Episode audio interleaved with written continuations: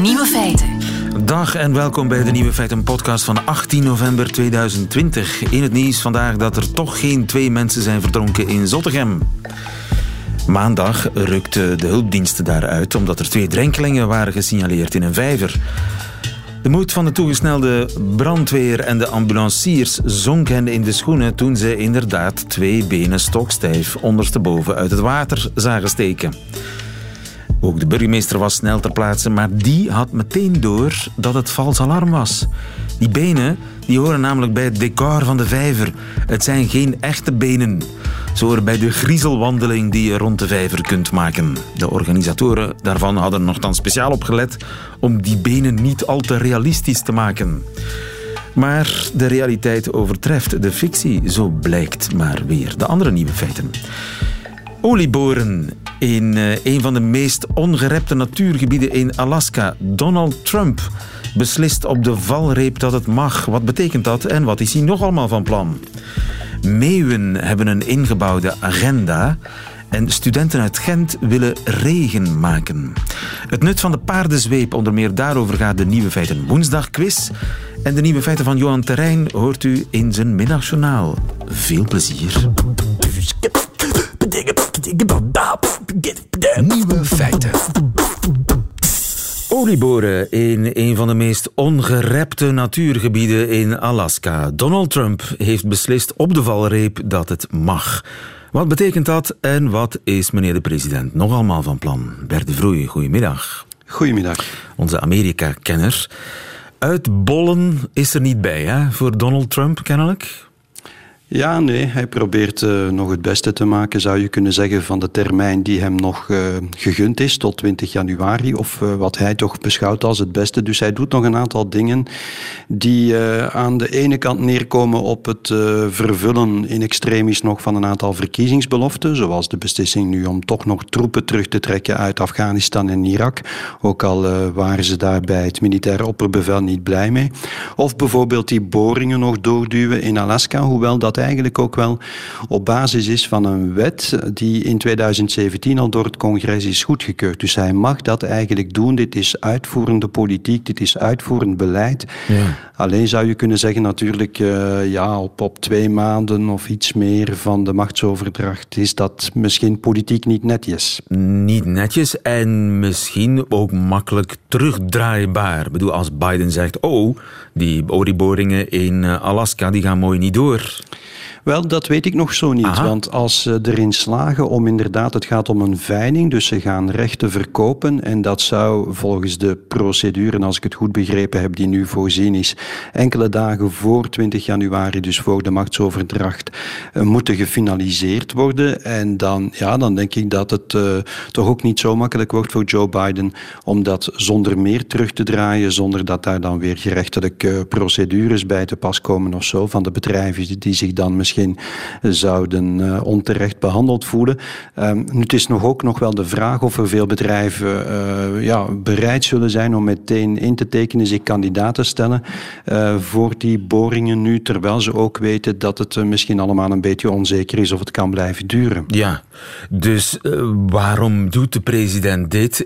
Is dat om zijn eigen ego nog een keer te strelen? Of? Ja, dat ook, dat ook. En wat ik al zei, het zijn natuurlijk een aantal verkiezingsbeloften, wat die troepen betreft bijvoorbeeld. Uh, ook het uh, president heeft een broertje dood aan regelgeving, zeker aan milieuregelgeving. Het, is, het lijkt toch ook wel een beetje, maar goed, dat is psychologiseren, maar het lijkt wel een beetje op, uh, op wat rancuneus nog doen, wat hij weet dat, dat zijn opvolger niet graag zal hebben en de aanhang van zijn opvolger Joe Biden niet graag zal hebben. Dus nog een beetje, ja, ehm, bewijzen dat hij er zit en dat hij er gezeten heeft. En het misschien ook wel wat moeilijk maken. Dat zou zelfs kunnen, uh, want uh, als je nu hals over kop troepen terugtrekt uit Afghanistan, dan maak je het voor Joe Biden wel moeilijk. Uh, op het moment dat hij dan weer de macht overneemt en dus ook de verantwoordelijkheid krijgt over de situatie in, in Afghanistan. Dus dat is natuurlijk misschien ja, een, een heel een intentieproces dat wat te ver gaat, maar het is bij Trump ook niet helemaal uitgesloten. Ja, veel grenzen kent hij niet. Zou hij ook echt heel erg schadelijke dingen kunnen doen? Ik bedoel, hij heeft de nucleaire codes. Ja, nucleaire codes, daar moeten we misschien nog niet aan denken. Maar er is vorige week blijkbaar wel een, eh, een bespreking geweest in het Witte Huis uh, over de vraag of ze Iran zouden aanvallen. Of ze toch nog een militaire actie zouden beginnen tegen Iran. Is dat denkbaar dat een president in zijn laatste dagen nog een oorlog begint? Ja, dat is zeker denkbaar. En denk bijvoorbeeld aan uh, 92, uh, december 92, toen uh, George Bush senior, vader Bush, dus niet herverkozen was. Bill Clinton was verkozen. En Bush senior heeft toen een, een, militaire operatie gestart, Operation Restore Hope, in Somalië, weet je nog? Dat was wel een humanitaire operatie in hoofden van George Bush, om de, de voedselbedeling in Somalië wat compleet ja, geïmplodeerd was met milities die elkaar bevochten en zo. En de bevolking was daar het slachtoffer van. Dus dat leek vanuit een heel mooie intentie van George Bush begonnen te zijn. Maar Bill Clinton zat er wel mee. En een aantal maanden later zag je beelden van Amerikaanse soldaten die uh, gedood waren en waarvan de lijken door de straten van Mogadishu werden gesleurd. En, en Clinton heeft dus eigenlijk wel die erfenis gekregen van iets wat Bush echt nog in de laatste weken van zijn, van zijn presidentschap beslist heeft. Dus het zou kunnen, je kan dat doen als president. Maar was dat in het geval van Bush senior ook de, de bedoeling om zijn opvolger het lastig te maken? Een nee, soort dat denk ik niet. Dat denk ik echt niet. Uh, ik denk, uh, er, nee, dat denk ik echt niet. In het geval van Bush senior denk ik wou hij nog eindigen met, met een soort groots gebaar. Uh, ja. Een militaire operatie waarvan hij slecht had ingeschat hoe, hoe falikant die of hoe moeilijk die zou verlopen. En zoals je dat wel vaker hebt met militaire operaties, krijg je dan daarna een soort verschuiven van de doelstellingen. Mission creep noemen ze dat. En, en dat werd een soort moeras, waarin een klein moeras, waarin Clinton toen ook ja. met verzonken is geraakt. Maar de huidige president, ja, daar kunnen we veel vraagtekens bij plaatsen bij zijn, uh, zijn motivering en waar hij allemaal toe in staat is. Veel mensen vragen zich af, hij is tot echt al, uh, heel veel, heel, heel gevaarlijke dingen in staat. Acht u dat mogelijk dat er, dat er nog een echt groot conflict wordt gestart? Ik, ik, uh, ik denk dat de instellingen toch wel stevig genoeg zijn in de Verenigde Staten om dat te beletten. Wat hij nu wel gedaan heeft voorbij uh, nacht uh, in onze tijdsbeleving, dus gisteravond, is de man ontslagen die verantwoordelijk is voor het toezicht op, op de, de, de cybersecurity, maar ook de veiligheid van de infrastructuur die met ja. de verkiezingen te maken heeft. dus hij heeft die ontslagen omdat die man gezegd had dat, er, dat dit de veiligste verkiezingen waren waar alles eh, heel goed verlopen is en dat apprecieert Trump niet, want hij blijft erbij dat er fraude is. Dat vind ik eigenlijk, hoewel ik ook denk dat het niet zo gek veel zal uithalen, hoor, maar dat vind ik eigenlijk in alles wat hij tot nu toe gedaan heeft, vind ik dat hij daarmee wel het verst gaat. Want kijk, hij mag rechtszaken beginnen, hij mag hertenningen vragen, hij mag rechtszaken beginnen om dingen aan te klagen. Die rechtszaken die, die, die pakken geen verf, om het op zijn Vlaams te zeggen, die worden meestal afgewezen, maar dat is een goed recht. Dat is binnen de wet. Mag, dat is binnen de wet.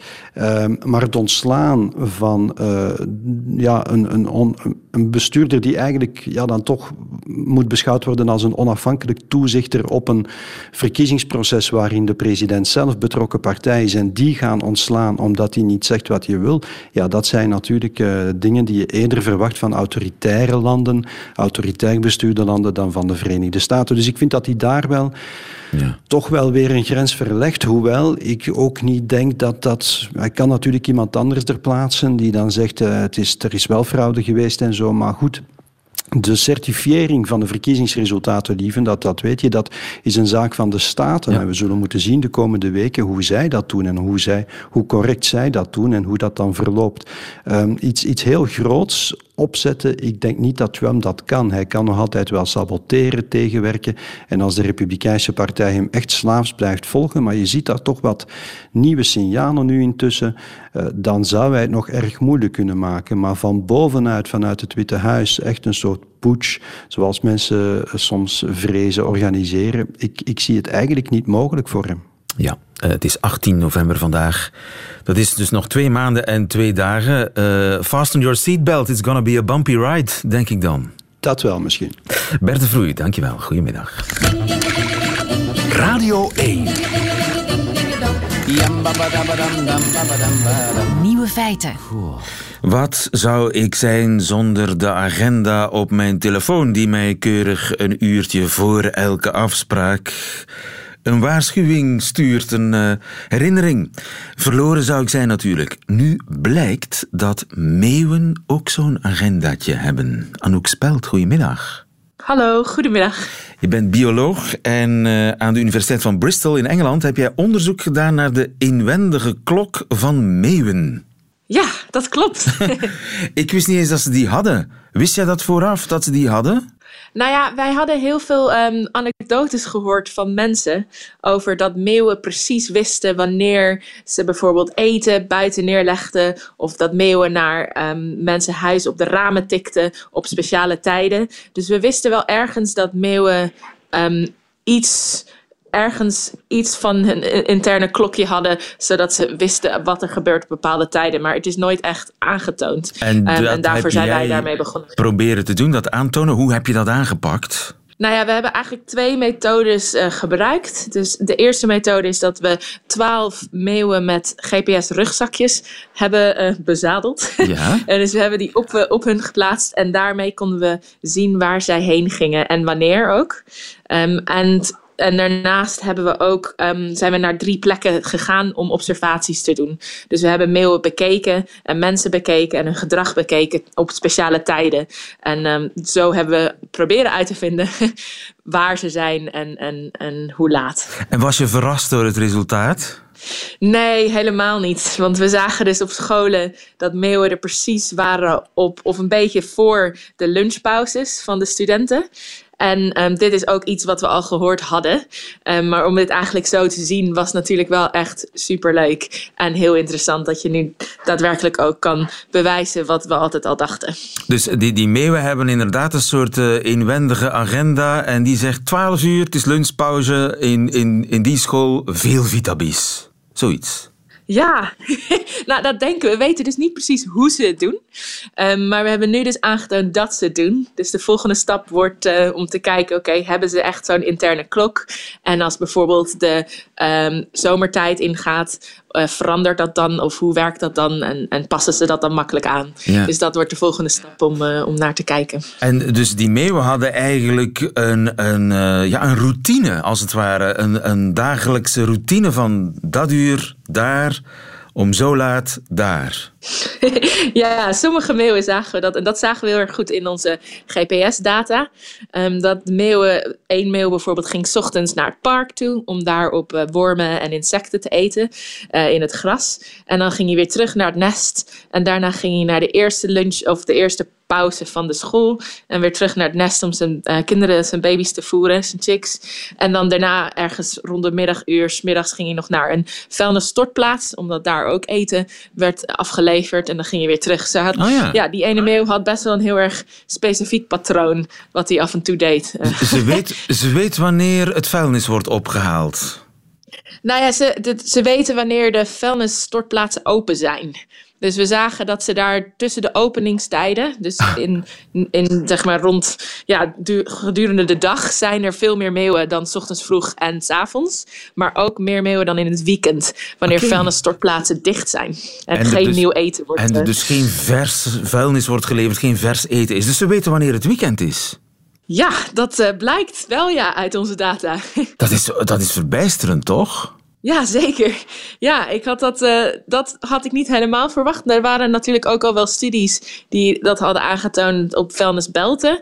Um, maar zeg maar zo erg te zien ook in de stad was, uh, was ook wel uh, ja, super interessant.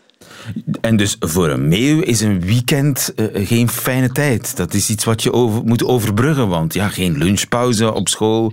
De, de, de stortplaatsen zijn dicht. Dat is een ramp. Nou ja, een weekend.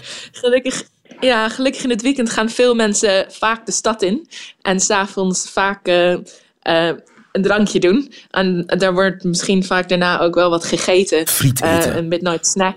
Friet eten. Dus we hebben ze ook wel heel veel gezien s'nachts in het, in het centrum. Op wachten op, op dat soort, okay, dus ja, dat soort mogelijkheden. Ook dat staat in hun agenda. Het is weekend. Er zal veel friet gegeten worden op die straathoek.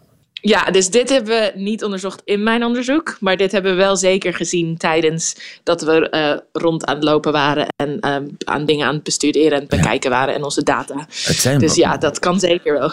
Waanzinnig slimme beesten, hè? Kennelijk. Ja, ja, ze zijn gewoon heel intelligent, maar hebben ook echt een hele. Um, hun gedrag is zeer flexibel. En ze zijn makkelijk. Het schijnbaar kunnen ze zich heel makkelijk um, aanpassen aan, aan hun omgeving. Want het zijn natuurlijk in principe meeuwen die in de, in de natuur leven, op, op ja, vissen of eten zoeken op zee, uh, aan kusten leven. En die zijn nu langzamerhand steeds meer naar de steden gegaan, omdat er gewoon minder leefruimte voor hun is. En ze zijn dus zo flexibel dat ze zich gewoon kunnen aanpassen aan ons en aan de ja, de omgeving die wij gecreëerd hebben. Ja, hoe dat werkt is voorlopig nog een mysterie, maar in ieder geval, meeuwen hebben een soort van inwendige klok, een inwendige agenda. Anouk Spelt, dankjewel. Goedemiddag. Goedemiddag. Nieuwe feiten. Woensdag quiz. Ja, Sidder en de Beef, want dit is de gevreesde nieuwe feiten woensdag quiz. We spelen zomaar eventjes voor een boekenbon van 25 euro. Te verzilveren bij de onafhankelijke boekhandelaar Confituur. Enfin, de boekhandelaar aangesloten bij uh, de Federatie Confituur. We spelen onder meer met Peter. Dag Peter. Goedemiddag. Goedemiddag Peter, je bent heel erg bij de pinken. Ik hoor dat. Waar kom je vandaan? Uit Rons.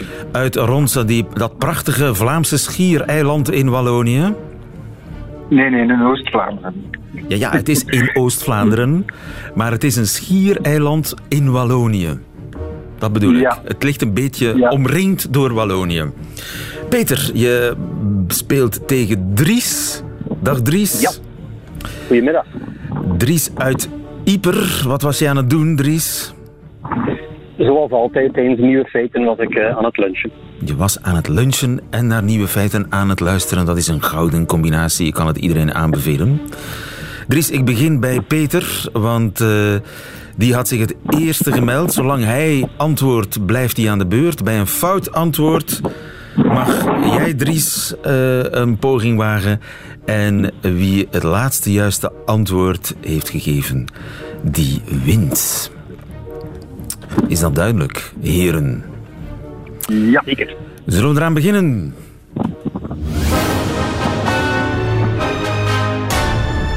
Peter, in Australië is er onderzoek gedaan naar het gebruik van de zweep bij paardenwedstrijden. Wat blijkt uit dat onderzoek? A. Uit hersenscans bleek dat paarden van een beetje pijn genoten. B. Om snel van de zweepslagen af te komen, lopen paarden tijdens een wedstrijd 2,3 km per uur sneller. C. Een zweep doet alleen maar pijn, levert voor de rest niets op. Peter, wat denk je? Uh, C. C. Dat is helemaal goed. De onderzoekers vergeleken wedstrijden met en zonder zweep en kwamen tot de conclusie dat een zweep een paard dus niet sneller of veiliger maakt en dat het dus geen enkel nut heeft. Was het een gok of wist je het? Ik dacht, het was een gok. Maar het verwonderde mij dat ik het niet gehoord had. Maar... Het zijn nieuwe feiten, hè? Je hebt ze nog niet gehoord. Zeker niet bij ons. Tweede vraag. We blijven bij Peter. Lichtvervuiling is schadelijk voor dieren, maar één dier profiteert er net van. Welk dier? A. De vleermuis, die ziet namelijk heel slecht en is geholpen met dat kleine beetje extra licht. B. De Amerikaanse huismus, want die kan sneller insecten gaan vangen. C. De kip. Door het extra licht leggen sommige kippen tot twee eieren per dag. Peter, A. C. C, denk jij. Dries, jij krijgt de kans. Vleermuis of kip, welk dier profiteert van de... Hopelijk de vleermuis. De vleermuis. Fout! Het was de Amerikaanse huismus.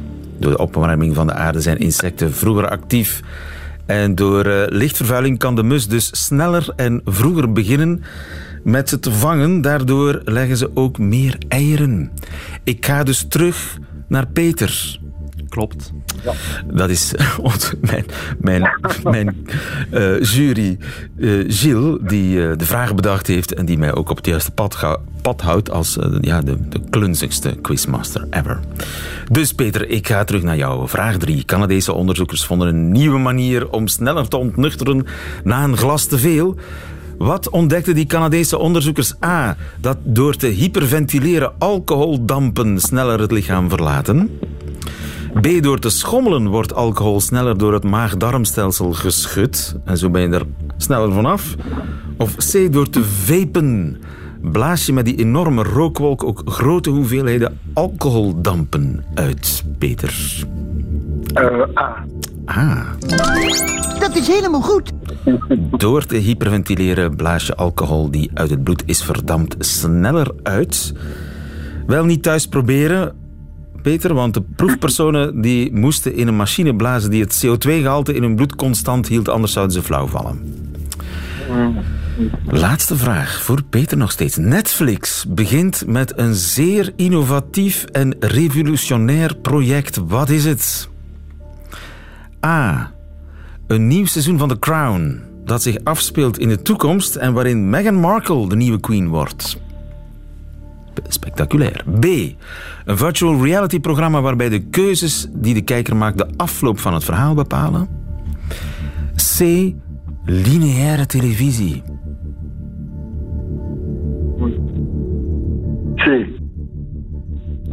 C? Ja, hij zegt C. Dat betekent... We have a een winner. Helaas, Dries, ik moet jou ontgoochelen. De boekenbon van 25 euro gaat niet naar Ieper, maar naar Ronse. Gefeliciteerd, Peter. Dank u. Enig idee welk boek je gaat kopen?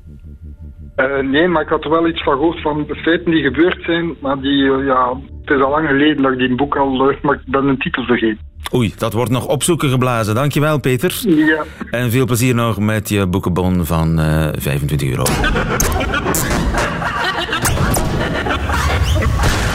Nieuwe feiten. En eh, de held van de dag, die kennen we. Dat is Laura Kraaien. Want Laura Kraaien die kan, naar het schijnt, regen maken. Goedemiddag, Laura. Goedemiddag.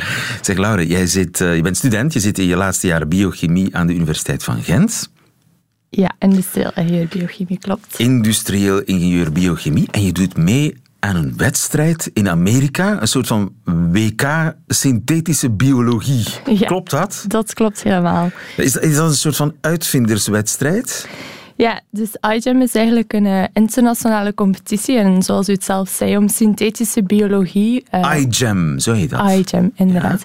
Over de hele wereld eigenlijk ehm, te promoten. En het is eh, een competitie. Dit jaar zijn we met 257 teams verspreid over heel de wereld. En op dit moment zitten we nu op een negendaagse online jamboree, waar alle teams het tegen elkaar opnemen en hun project moeten verdedigen voor een jury. Zeg, ik weet niet wat synthetische biologie is. Is dat erg? Nee, dat is eh, normaal. Dat is normaal, hè?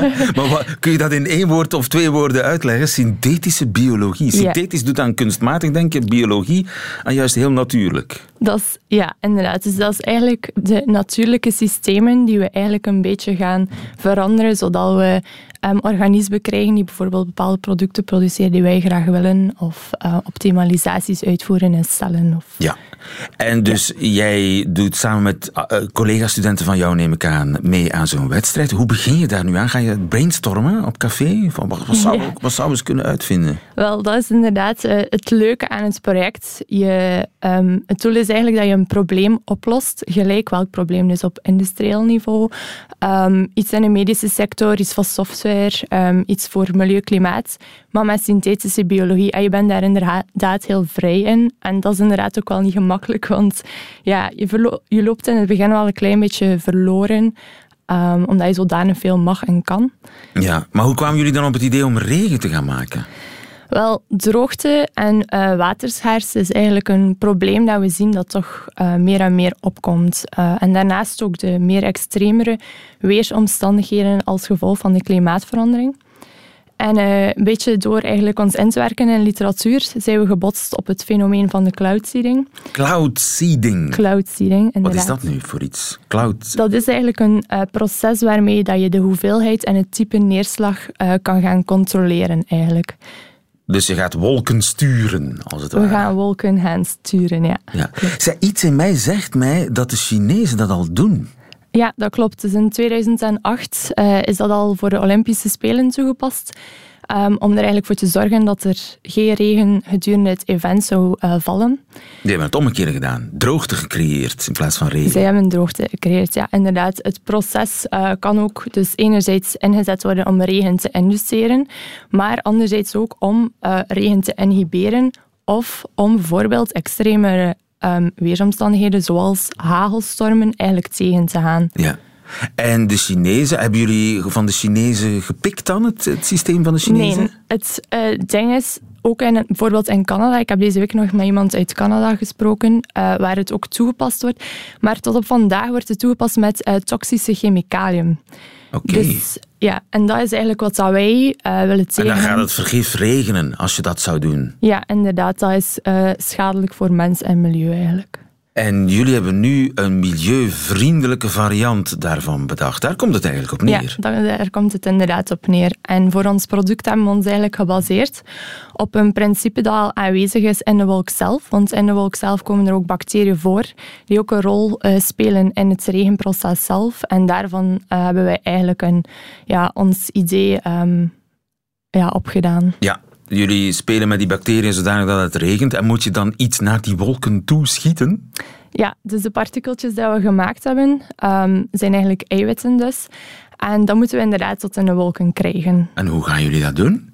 Goeie vraag. Um, tot op vandaag wordt dat gedaan, dus ook met vliegtuigen. Maar ja, vliegtuigen vinden wij zelf ook niet zo ecologisch. Um, dus er zijn daar ook nog andere opties voor. Bijvoorbeeld uh, zijn er al specifiek drones uh, die ingezet kunnen worden voor het uh, cloud seeding proces. Ook. En, en die drones, moeten die dan boven de wolken geraken? Ja. Ah. En dat is nu een idee dat jullie helemaal op papier hebben uitgewerkt. Hebben jullie dat op de een of andere manier al getest? Wel, dat is inderdaad de bedoeling. Uh, normaal is het ook de bedoeling dat we deze zomer um, alles in het labo gingen uitwerken, maar door corona waren de labels gesloten um, gedurende bijna het hele jaar. Maar uh, na de competitie uh, zijn we toch als team wel gemotiveerd om het toch verder te nemen en uh, labeltesten uit te voeren, inderdaad. Ja. Ja. En zou, zouden jullie graag met zo'n drone boven een wolk gaan hangen? Dat is de bedoeling, maar dat is nog toekomstmuziek ja. momenteel. Het klinkt duur. Ja, het, um, de prijs inderdaad nu, voor zilveriodide is het eigenlijk heel duur, momenteel. En Wat is het product dat jullie gebruiken? Nee, zilveriodide, dat is de toxische chemicalie. Okay. Uh, dus dat is eigenlijk vrij duur. Als we dat uh, opgezocht hebben, um, we hebben basisberekeningen van ons product op labelschaal, die beloven eventueel dat het goedkoper kan zijn, maar we moeten dat wel nog verder onderzoeken. Ja, en heb je daar ook geld voor nodig? Daar hebben we inderdaad geld voor nodig, klopt. Um, we hebben nu um, een funding gekregen van 5500 dollar via een wedstrijd dat we hebben gewonnen van een Amerikaanse organisatie met okay. ons project. Proficiat. Dankjewel. Um, maar ja, als we in de toekomst er verder mee gaan, dan uh, zal het ons wel nog wel moeite, energie en inderdaad geld kosten. En enig idee hoe jullie daar aan geraken? Um, ja, we hebben inderdaad een GoFundMe-pagina waar dat, um, iedereen vrij is om ons te steunen en te sponsoren, waardoor dat wij dit onderzoek verder kunnen, uh, ja, verder kunnen uitvoeren, inderdaad. Gefeliciteerd. Wij zullen een linkje bouwen op onze site. Dankjewel. En ik ga supporteren voor Laure Kraaien en haar team van uh, studenten biochemie, industrieel ingenieur biochemie aan de Universiteit van Gent. Veel succes, Laura. Dank u wel. Tot de volgende. Tot de volgende. Doei. Dat waren ze, de nieuwe feiten van 18 november 2020. Alleen nog die van Johan Terrein krijgt u in zijn middagjournaal. Nieuwe feiten. Middagjournaal. Beste luisteraar. Nu de coronakilo's zich weer dreigen op te stapelen, wil ik u graag al mijn kennis in zaken gezonde voeding ten dienste stellen in dit middagjournaal. Het is tenslotte lunchtijd, de tweede belangrijkste maaltijd van de dag. Waar zal ik beginnen? Ik heb altijd al een boontje gehad voor seizoensgroenten. In november is dat bijvoorbeeld andijvie en allerlei kolen en biet. Ik heb bij nader inzien vooral een boontje voor seizoensgroenten in de maanden die niet beginnen met november, zoals augustus. Dan zijn groene boontjes en komkommer namelijk van de partij. Maar alle gekheid op een groentesaté, ik kook graag gezond. Dat is echt. Pascal Nases heeft trouwens een nieuw kookboek, zag ik in de boekhandel. Echt eten heet het.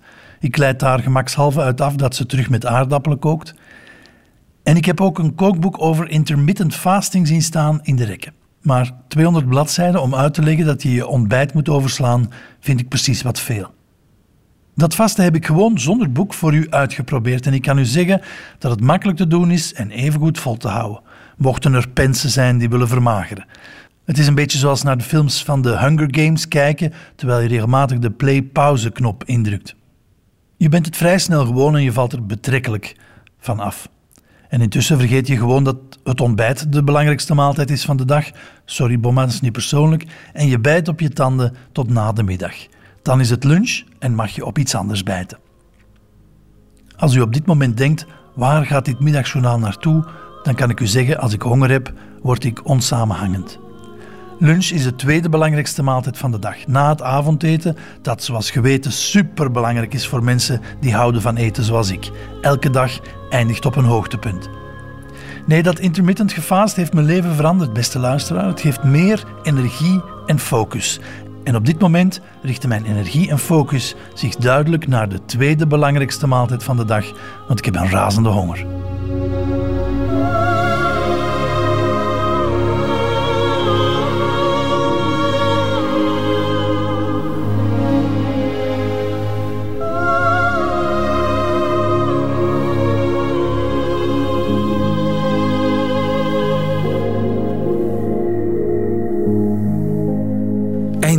Podcast hoort u liever de volledige uitzending van Nieuwe Feiten met de muziek erbij. Dat kan natuurlijk via radio1.be en via de Radio 1 app. Tot een volgende keer.